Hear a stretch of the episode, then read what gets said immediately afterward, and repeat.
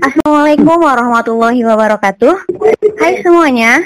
Di sini saya Ihda Samrotul Fuada. Pada podcast kali ini kita akan membahas tentang kemahasiswaan. Yang mana kita sebagai mahasiswa harus mengetahui tentang itu pastinya.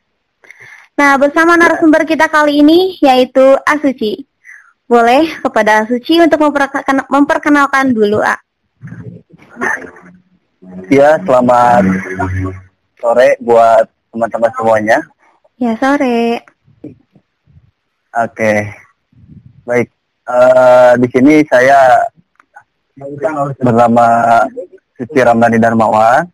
Saya hari ini duduk di sebagai mahasiswa Fakultas Psikologi di UIN Bandung. Ya. Asal dari Kuningan. Di mana tuh Kuningannya? Kuningannya di daerah timur di Desa Purwasari, Kecamatan oh. Garawangi. Timur ya? Betul. Oke. Okay. Udah ah segitu ya perkenalannya. Segitu aja lah, cukup okay. saya aja. Oke okay, baik, uh, Asuci udah memperkenalkan dirinya ya. Kita lanjut aja uh, ke pembahasannya. Tapi sebelumnya uh, kita harus tahu dulu apa sih ah mahasiswa dan kemahasiswaan itu bagaimana? Oke okay, baik, ya. Jadi sebenarnya memang satu kesatuan ya kalau membahas mengenai mahasiswa dan kemahasiswaan itu. Ya. Cara sederhananya mahasiswa itu kalau dalam kamus besar bahasa Indonesia itu didefinisikan sebagai orang yang belajar di perguruan tinggi. Tapi ada beberapa pendapat juga yang mengatakan bahwa mahasiswa itu didefinisikan sebagai individu yang sedang menuntut ilmu di tingkat perguruan tinggi. Selain itu, mahasiswa itu dinilai memiliki tingkat intelektual yang tinggi, kecerdasan dalam berpikir dan kerencanaan dalam bertindak. Jadi mahasiswa itu dapat berpikir kritis dan bertindak dengan cepat dan tepat merupakan sifat yang cenderung melekat pada diri setiap mahasiswa. Dan mahasiswa sendiri itu adalah masa transisi dari remaja akhir menuju dewasa. Jadi adanya uh, perbedaan adaptasi dari satu tingkat universitas. Pasti di situ ada perbedaan. Mengenai kemahasiswaan itu sendiri, kemahasiswaan itu sejak awal dapat didefinisikan sebagai seluk beluk mengenai mahasiswa yang bersangkutan dengan mahasiswa. Jadi kan ada mahasiswa, ada kemahasiswaan. Dalam kemahasiswaan ada imbuhan ke dan an. Itu cukup lugas, yaitu mengenai seluk beluk mahasiswa dan bersangkutan dengan mahasiswa. Apa aja sih seluk beluk mahasiswa? Banyak di sana ada mahasiswa, ada dosen, ada jurusan, ada fakultas, perguruan tinggi, jurnal, belajar, pengabdian, dan juga banyak komponen-komponen lainnya yang berkaitan dengan seluk-beluk mahasiswa. Mungkin seperti itu definisi secara dasarnya mengenai mahasiswa dan kemahasiswaan. Oke, jadi itu ya definisi mahasiswa dan kemahasiswaan. Oke, selanjutnya setelah kita mengetahui apa itu mahasiswa dan apa itu kemahasiswaan, kemudian uh, ada Tridharma perguruan tinggi. Nah, apa aja itu Tridharma perguruan tinggi A? dan gimana ya penjelasannya mengenai Tridharma perguruan tinggi itu? Oke, baik.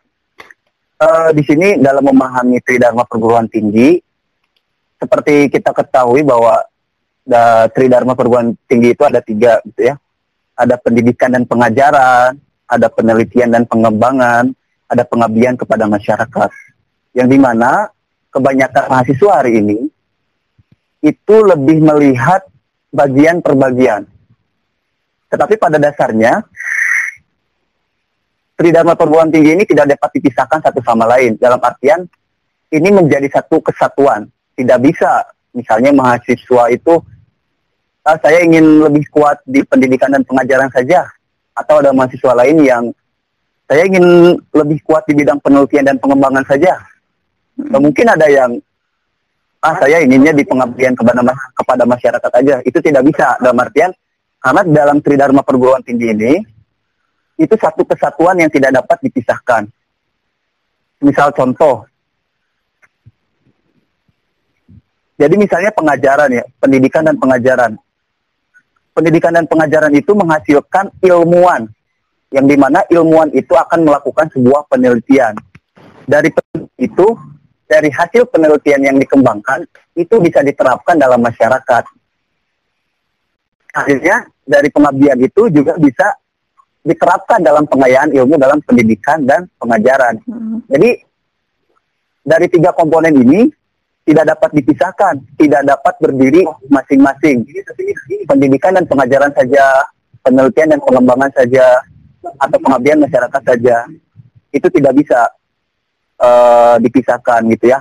Uh, selanjutnya, lebih detailnya, pendidikan dan pengajaran pendidikan dan pengajaran memang menjadi salah satu pilar utama pilar utama dalam Dharma perguruan tinggi. Jadi pendidikan dan pengajaran yang dimaksud dalam Tridharma ini bagaimana universitas atau perguruan tinggi ini menciptakan dalam rangka untuk meneruskan pengetahuan atau dengan kata lain transfer of knowledge gitu ya. Uh, selain itu Nah, keterkaitannya di mana dengan komponen yang lain? Ilmu pengetahuan atau knowledge itu sendiri akan dikembangkan melalui perguruan tinggi melalui penelitian dan pengembangan. Yang di mana penelitian dan pengembangan juga saat ini penting untuk perguruan tinggi. Karena dengan adanya penelitian dan pengembangan, itu dapat berguna. Pertama, mahasiswa bisa mengembangkan ilmu pengetahuan dan penerapan bidang di ilmu untuk bermanfaat di masyarakat. Yang kedua, melalui proses pendidikan dan pengajaran ini akan lahir para peneliti dan tenaga-tenaga ahli. Maka dari itu, dan memiliki peran yang sangat penting karena tanpa adanya penelitian, pendidikan akan menjadi terhambat. Dari dua komponen itu saja bisa terlihat adanya kesinambungan antara penelitian dan pengembangan. Dan juga dalam penelitian perguruan tinggi ini diarahkan kepada penelitian di bidang-bidang ilmu apa dalam artian yang bersentuhan langsung kepada masyarakat ataupun yang untuk bertujuan untuk mengembangkan sebuah ilmu pengetahuan. Nah, mengenai penelitian dan pengembangan berdasarkan kegunaannya ya dan yeah. prioritasnya, penelitian ini dapat dibagi menjadi tiga bagian. Yang pertama, bagaimana pendidikan dan pelatihan khusus bagi calon peneliti untuk meningkatkan kemampuan dan keterampilan dalam penelitiannya. Yang kedua, bagaimana penelitian yang berkaitan dengan pengembangan ilmu pengetahuan. Dan yang terakhir, penelitian itu juga berguna yang akan langsung menunjang terhadap pembangunan masyarakat. Begitu. Dan yang komponen yang ketiga, pengabdian kepada masyarakat. Bagaimana pengabdian kepada masyarakat ini mahasiswa dapat berkontribusi yang bersifat konkret sekedar konsep, bukan hanya sekedar ide, bukan hanya sekedar gagasan, tapi lebih ke hal yang konkret yang bisa dirasakan oleh masyarakat. Bagaimana? Yaitu dengan adanya penerapan ilmu pengetahuan, ilmu teknologi yang dikembangkan melalui penelitian. Begitu. Jadi dalam Tridharma perguruan tinggi ini bagi mahasiswa sendiri itu harus dipahami tidak dapat dipisahkan antara satu dengan yang lainnya gitu ya. Okay. Itu satu kesatuan. Seperti itu. Oke, dari Tridharma sendiri namanya juga udah tri ya, ada tiga jadinya. Dari Tridharma perguruan tinggi ada tiga yaitu pendidikan dan pengajaran, penelitian dan pengembangan, dan pengabdian kepada masyarakat.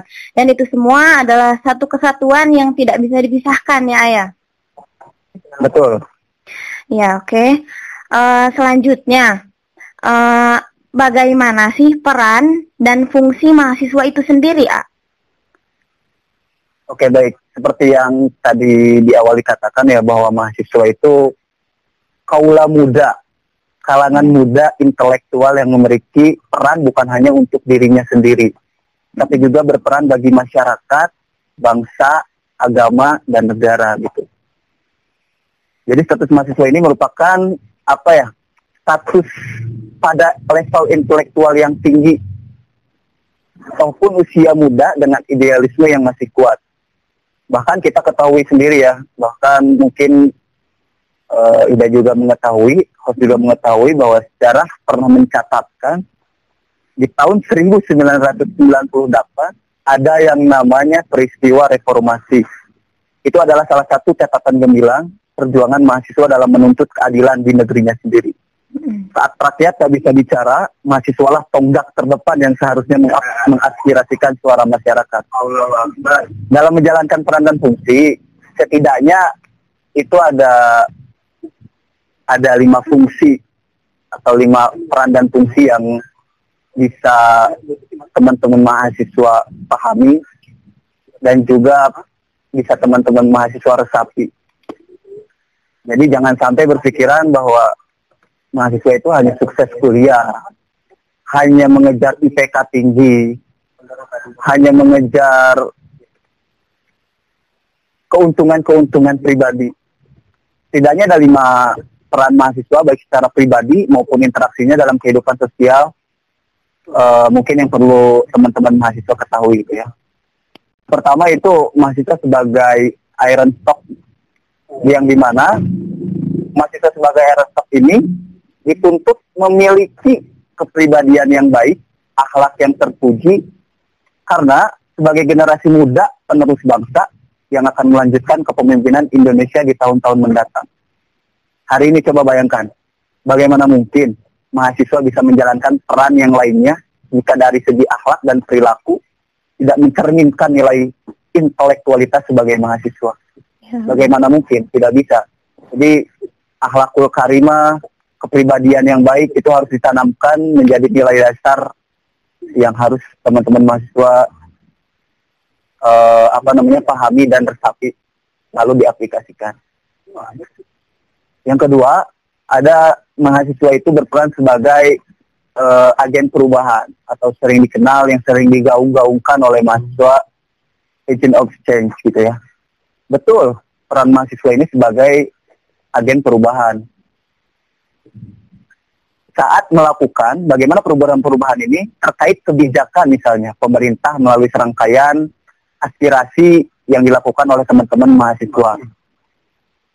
Uh, selain itu, mungkin apabila ada yang salah dengan mengelola negara ini, peran mahasiswa muncul sebagai agen perubahan gerakan mahasiswa ada yang bersifat juga intelektual gitu kan maksudnya agen perubahan ini uh, bukan hanya ikut demo, bukan hanya menyuarakan aspirasi, bukan hanya ikut demo ataupun hal semacamnya. Itu banyak sih agen-agen perubahan yang bisa mahasiswa uh, dilakukan gitu ya. So, misal contoh, oke okay lah, salah satu agen perubahan yang bisa dilakukan ya saja dengan uh, mengaspirasikan suara masyarakat melalui aspirasi entah itu demo, tapi ada juga gerakan-gerakan lain semisal gerakan mahasiswa ada yang bersifat intelektual, ada yang sifatnya aksi di lapangan sesuai dengan aturan hukum yang berlaku, dan keduanya pun dilakukan sesuai dengan kebutuhan dan kondisi di lapangan. Peran ketiga, itu ada yang dinamakan mahasiswa sebagai guardian of value, penjaga nilai di masyarakat. Bagaimana mahasiswa ini bisa menjaga nilai-nilai kebaikan yang ada di masyarakat, seperti nilai-nilai kejujuran, gotong royong yang sudah menjadi karakter bangsa Indonesia, empati, keadilan, integritas, dan juga nilai-nilai yang lainnya. Mahasiswa ini memiliki peran untuk mempertahankan nilai-nilai tersebut tumbuh dan terpelihara di masyarakat. Guna mewujudkan peran tersebut, maka mahasiswa harus mengawalinya dengan perbaikan diri melalui iron stock yang sudah dijelaskan tadi gitu ya. Jadi nggak bisa oh apa namanya mahasiswa ingin mempertahankan sebagai guardian of value, tetapi diri sendirinya belum menunjukkan atau gambarkan dia memiliki karakter akhlak yang baik. Gitu. Yang keempat, ada mahasiswa sebagai moral force. Mahasiswa sebagai kalangan intelektual ini harus mencerminkan nilai karakter terbaik sesuai dengan tingkatan intelektualnya. Bagaimana pendidikan ini sebagai upaya membentuk karakter ideal muncul dengan perilaku moral terbaik yang ditunjukkan oleh mahasiswa itu sendiri. Hal ini adalah peran ideal dalam mewujudkan kehidupan bangsa dan bangsa yang beradab. Mungkin bisa teman-teman bayangkan gitu ya, jika kalangan intelektualnya memiliki moral yang tidak beradab, mm-hmm. maka negara ini akan salah urus. Bahkan kita bisa melihat fenomena hari ini, ada pejabat yang baik, jujur, bahkan ada juga pejabat yang menyalahgunakan kewenangan. Ini bisa dilihat, para pejabat yang memiliki yang memiliki akhlak yang baik itu pasti didahului oleh sosok mahasiswa yang mengerti dengan perannya sebagai moral force. Tapi hari ini jika kita teman-teman melihat pejabat ataupun pemangku kebijakan tidak menjalankan tugasnya dengan baik, menyalahgunakan kewenangan, berarti dia didahului sebagai mahasiswa yang tidak mengerti perannya sebagai moral force. Jadi saya harapkan teman-teman apa namanya memahami itu gitu peran-peran mahasiswa itu sendiri dan yang terakhir ada sebagai social of control atau kontrol sosial. Peran mahasiswa sebagai kontrol sosial ini merupakan peran yang penting dan signifikan di masyarakat. Mengapa sih? Menjadi pertanyaan kan? Mengapa mahasiswa selalu melakukan upaya kontrol terhadap kondisi pemerintah yang dianggap tidak pro rakyat misalnya Sebab ini adalah bagian dari peran mahasiswa untuk melakukan kontrol kepada hal-hal yang bertentangan dengan nilai keadilan di masyarakat. Karena sebagai tadi berkaitan juga sebagai peran mahasiswa sebagai guardian of value gitu ya. Yeah. Jadi upaya kontrol yang dilakukan mahasiswa tetap harus didasarkan pada nilai-nilai idealisme yang ada. Gak boleh idealisme mahasiswa tergadai dengan iming-iming uang, tergadai dengan kepentingan politik, tergadai dengan kepentingan pribadinya, tidak boleh, tetap harus dijaga idealismenya. Faktanya, memang terkadang masih banyak mahasiswa yang merupakan peran ini, suara kontrolnya hilang karena idealismenya tergadai dengan materi. Jadi jangan sampailah mahasiswa ini idealismenya digadaikan dengan hal-hal yang berbau materi, hal-hal yang berbau keduniawian itu, hal-hal yang tidak membawa atau mencerminkan ini adalah e, bangsa Indonesia ini adalah suara rakyat gitu. Tidak boleh gitu. Mungkin itu peran-peran cara garis besarnya yang harus setidaknya mahasiswa itu miliki dan pahami serta diaplikasikan. Mungkin seperti itu. Ya, jadi peran dan fungsi uh, secara garis besarnya ada lima ya, ya. Betul. Ada Iron Stock, ada Agent of Change, kemudian Guardian of Value, uh, Moral Force, eh, dan Social Control ya. Betul. Dan peran mahasiswa juga tidak hanya untuk diri sendirinya ya, tapi uh, untuk masyarakat begitu ya. Betul. Oke, tadi udah menyinggung uh, nilai-nilai uh, kemahasiswaan. Nah, kita uh, perjelas lagi A, uh, apa aja sih nilai-nilai kemahasiswaan itu dan bagaimana uh, untuk menerapkan nilai-nilai kemahasiswaan itu pada diri kita gitu. Oke baik, ada beberapa hal mengenai nilai-nilai gitu ya. Nilai-nilai, uh, nilai itu sendiri memang ada beberapa faktor yang mempengaruhi pada diri seseorang atau pada diri mahasiswa. Yang pertama ada faktor internalnya, dan juga ada faktor eksternalnya. Internalnya itu seperti apa? Ada yang namanya belief, itu adalah kepercayaan yang dia pegang dari diri masing-masing pribadi individu. Dan juga faktor eksternalnya dipengaruhi oleh lingkungan. Itu sangat kuat juga. Jadi nilai-nilai mahasiswa itu dipengaruhi oleh faktor-faktor itu. Tapi kalau bagi saya pribadi gitu ya, bisa menyimpulkan itu mahasiswa itu sebagai kaum akademis, solutif, aplikatif, yang berdasarkan pada semangat perjuangan dan bertanggung jawab atas pelaksanaan kehidupan berbangsa, beragama, dan bernegara. Itu poin-poin salah satu poin dasarnya ya, ada akademis, solutif, dan juga aplikatif. Misalnya, uh, coba kita perjelas ya, akademis, mahasiswa sebagai kaum akademis harus selalu berusaha mengembangkan pengetahuan intelektualnya sehingga siap cara pemikiran ketika sudah terjun dalam masyarakat dan dapat membawa sebuah perubahan. Terus yang kedua, mahasiswa sebagai seorang mahasiswa sebagai orang harus solutif. Bagaimana hari ini untuk menghadapi berbagai gejolak, berbagai dinamika, ketika ia nanti terjun di masyarakat. Sebagai pembelajaran dalam dunia kampus, mahasiswa harus berproses sekaligus peka terhadap persoalan mahasiswa di kampus. Sebenarnya tidak cukup peka saja gitu ya, namun mahasiswa juga harus mampu menemukan solusi dari berbagai persoalan yang hidup dalam dunia perkuliahan. Gitu. Jadi mahasiswa itu harus solutif, jangan hanya dia peka tahu gitu ya dengan realitas sosial, dengan dinamika sosial, tapi dia tidak tidak mampu ini harus seperti apa cara menyelesaikannya. Nah, harus solutif mahasiswa itu. Terus yang ketiga, yang paling penting itu harus aplikatif jadi berarti mahasiswa itu sebagai kaum pengabdi dengan sesuai tadi yang telah disebutkan ya dalam Tridharma perguruan tinggi, ada pengabdian kepada masyarakat.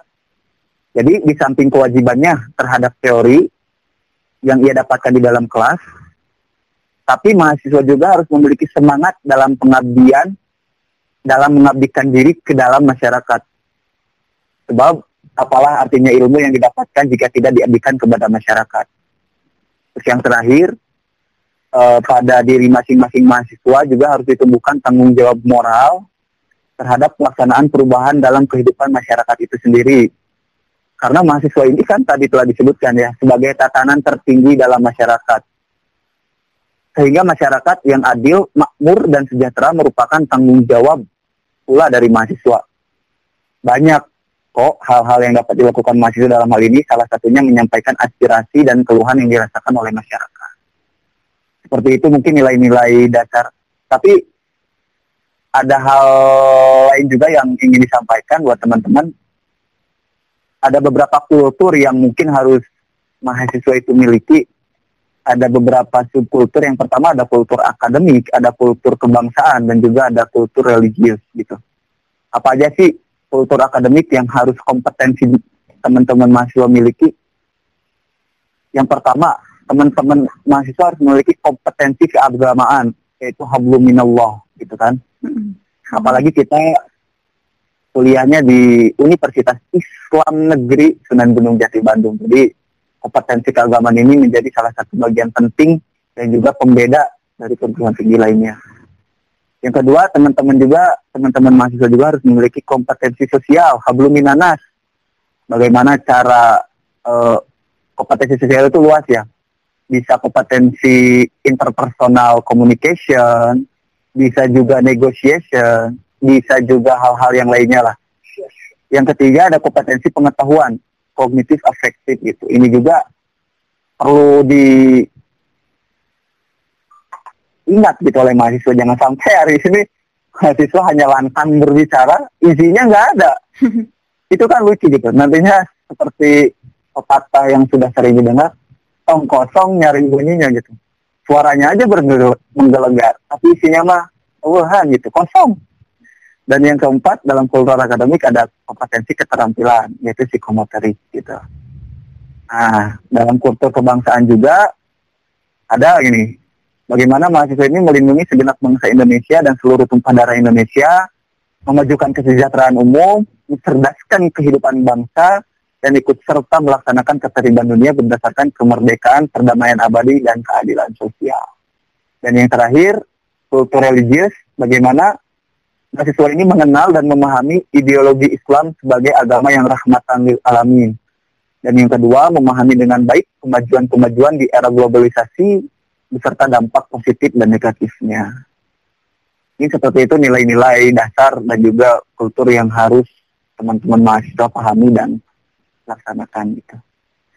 Oke, jadi itu ya nilai-nilai dasar kemahasiswaan yang perlu banget buat mahasiswa uh, laksanakan ya ya.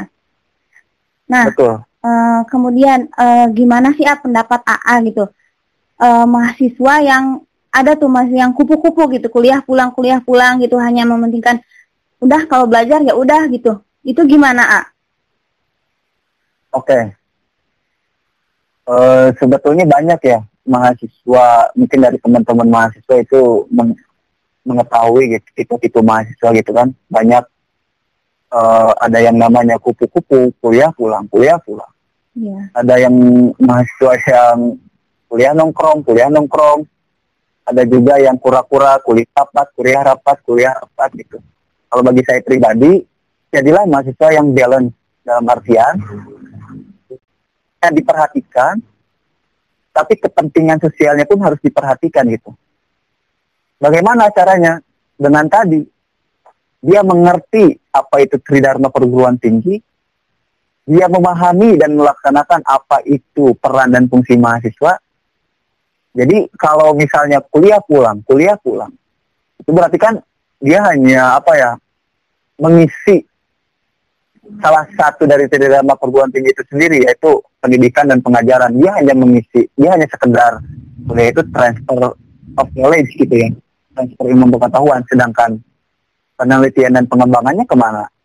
Pengabdian kepada masyarakatnya ke mana? Gitu kan? Terus juga peran-peran mahasiswa yang hari ini harus dilaksanakan, dia melaksanakan atau tidak? Itu juga menjadi hal-hal yang bukan salah, tetapi kurang elok pada status seorang mahasiswa gitu. Jadi balance aja gitu antara kebutuhan dirinya dan juga uh, apa kepentingan dari masyarakat itu sendiri gitu. Mungkin uh, ada sedikit ini ya hari ini uh, kalau perlu yang perlu diketahui dunia ini sudah bergeser gitu kan. Tiba-tiba kan hari ini empat titik kosong. Iya. Tidak pernah mendengar gak? Tiba-tiba empat titik kosong kan? Pernah mendengar gak ada dua titik kosong atau tiga titik kosong di Indonesia? Iya bener banget. Tiba-tiba empat titik kosong aja. Nggak tahu kapan dua titik kosongnya. Ya. Nah kan itu sendiri. Maksudnya ini tiba-tiba empat titik kosong gitu. Berarti ada iya. apa ini Indonesia? Bahkan mungkin di luar sana itu mengalami dua titik kosong tiga titik kosong. Tapi Indonesia meloncat ke empat titik kosong. Ada apa gitu? Nah hmm. ini juga yang harus teman-teman pahami teman-teman mahasiswa pahami.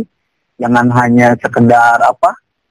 Yang tadi gitu ya tapi teman-teman juga harus pahami kita ini hari ini hidup di masyarakat modern gitu. Hidup di masyarakat canggihan teknologi. Kalau menurut saya pribadi kata modern dalam masyarakat modern itu jika disederhanakan yang pertama manusia itu harus mampu menyesuaikan dirinya kepada suatu perubahan. Jangan sampai tiba-tiba ada perubahan ini dia tidak mau keluar dari zona nyamannya tiba-tiba uh, di luar sudah memakai alat-alat teknologi yang canggih, Indonesia nggak mau mengembangkannya, gitu kan? Terus yang kedua, kita juga harus menjadi organisator, penggerak dari roda, entah itu roda perekonomian, entah itu roda sosial, entah itu roda hal-hal yang lainnya. Kita juga kita harus menjadi penggerak itu. Dan terus juga kita harus pandai dalam memanage waktu, gitu manage waktu. Mungkin dari teman-teman gitu ya, pernah membaca mengenai manajemen waktu. Ada beberapa model sederhana dibagi ke dalam empat kuadran. Ada yang urgent penting, ada yang urgent tapi tidak penting, ada yang tidak urgent tapi penting, ada yang tidak urgent tapi tidak penting. Itu harus teman-teman pahami. Biar apa nih yang harus saya selesaikan terlebih dahulu bila uh, apa nih yang harus saya bereskan daripada kegiatan-kegiatan yang lainnya supaya itu menjadi apa uh, menghasilkan sesuatu yang dengan efektif dan juga efisien gitu. Selanjutnya ahli dalam mengupakan pendapat, public speaking. Public speaking juga ini harus dikembangkan gitu dalam masyarakat modern ini. Karena nih orang yang memiliki pengetahuan yang sangat luas tetapi ketika dia tidak bisa menyampaikannya akan sia-sia ilmu pengetahuan itu. Jadi belajarlah public speaking, bagaimana caranya interpersonal komunikasi, bagaimana caranya bernegosiasi gitu kan. Itu harus teman-teman pelajari dalam masyarakat modern ini. Terus ada juga bertanggung jawab dan visioner. Nah ada lagi nih dalam pola pikir masyarakat modern. Saya akan membandingkan coba membandingkan masa lalu dan hari ini kita hidup di masyarakat modern okay. masa lalu itu identik dengan ketidakberdayaan hari ini berdentik dengan berdaya saing. Siapa yang tidak memiliki hard dan soft skill yang memadai, dia akan terlindas. Gitu. Masa lalu, kemiskinan dan kesejahteraan. Hari ini, yaitu tentang kecukupan. Masa lalu, tentang konsumerisme. Hari ini dituntut harus produktif. Gitu. Masa lalu, tentang kerakusan dan hedonisme. Hari ini bagaimana kita dituntut atau harus bisa penguasaan diri yang baik. Masa lalu identik dengan kesombongan, hari ini kita harus identik dengan rendah hati. Seperti itu, gitu ya. Maksudnya harus dipahami gitu. Dalam memahami Dharma perguruan tinggi, peran dan fungsi mahasiswa harus disesuaikan dengan konteks hari ini gitu. Jangan disamakan dengan konteks dari masa-masa yang lalu gitu. Mungkin seperti itu. Oke, baik. Jadi mahasiswa itu harus uh, balance ya, harus bisa memanage waktunya uh, uh, bagaimana ke kebutuhan pribadi sama kebutuhan uh, kelompok gitu ya, Ayah. Betul. Oke, baik. Cukupkan sampai di sini aja ya, Ayah. Siap. Oke baik, kita udah di penghujung acara. Kita telah membahas tentang kemahasiswaan. Semoga dulu-dulu dapat mengerti dan menyadari posisi kita sebagai mahasiswa itu harus seperti apa. Nah, kami ucapkan terima kasih banyak kepada Asuci yang udah bisa menyempatkan waktunya untuk mengisi podcast kali ini dan membagi ilmunya untuk kita semua. Dari Sama-sama. Ya, dari Asuci boleh untuk menyampaikan kata-kata atau pesan sebagai closing statement pada podcast kali ini. Pak. Oke, baik. Uh, sebelumnya terima kasih ya kepada apa kepada kamu Ning yang telah mempercayakan gitu ya kepada saya gitu. Dan juga pesan buat teman-teman mahasiswa nanti tantangan ke depan akan lebih berat tantangan ke depan akan semakin menantang. Teman-teman jangan pernah meminta untuk dimudahkan tantangan itu. Tapi teman-teman mintalah untuk dikuatkan dari diri teman-temannya. Dan juga yang perlu teman-teman apa namanya waspadai gitu ya. Nanti ketika masuk di yang namanya mahasiswa itu akan banyak sekali pikiran. Tapi bagi saya pribadi justru banyak pikiran itu adalah menjadi bukti bahwa diri kita punya daya kreativitas yang terbatas. Masalahnya adalah kita sering memiliki relasi yang tidak sehat dengan pikiran kita dan akhirnya menjadi lelah dan kalah. Jadi nanti ke depannya saya harap sebelum teman-teman menjadi agen perubahan, kontrol sosial kepada masyarakat dan juga hal-hal yang lainnya, itu cobalah teman-teman membangun relasi terhadap diri teman-teman sendiri dengan baik dan sehat gitu. Karena itu hal yang paling penting ketika teman-teman sudah bisa berelasi dengan baik dan sehat kepada diri sendiri akan sangat jauh lebih mudah nanti teman-teman menjalankan peran dan fungsi sebagai mahasiswa teman-teman menjalankan tridharma perguruan tinggi gitu ya akan sangat mudah jadi pesan saya jangan pernah untuk mengubah diri orang lain mengubah tatanan masyarakat jika belum ada daya untuk mengubah diri sendiri. Mungkin segitu pesannya. Terima kasih. Oke, luar biasa sekali uh, Asuci serta pembahasan kali ini. Oke, sampai di sini aja podcast Kamuning kita. Mohon maaf bila kami ada salah-salah kata. Sampai ketemu nanti. Wassalamualaikum warahmatullahi wabarakatuh. Waalaikumsalam warahmatullahi wabarakatuh.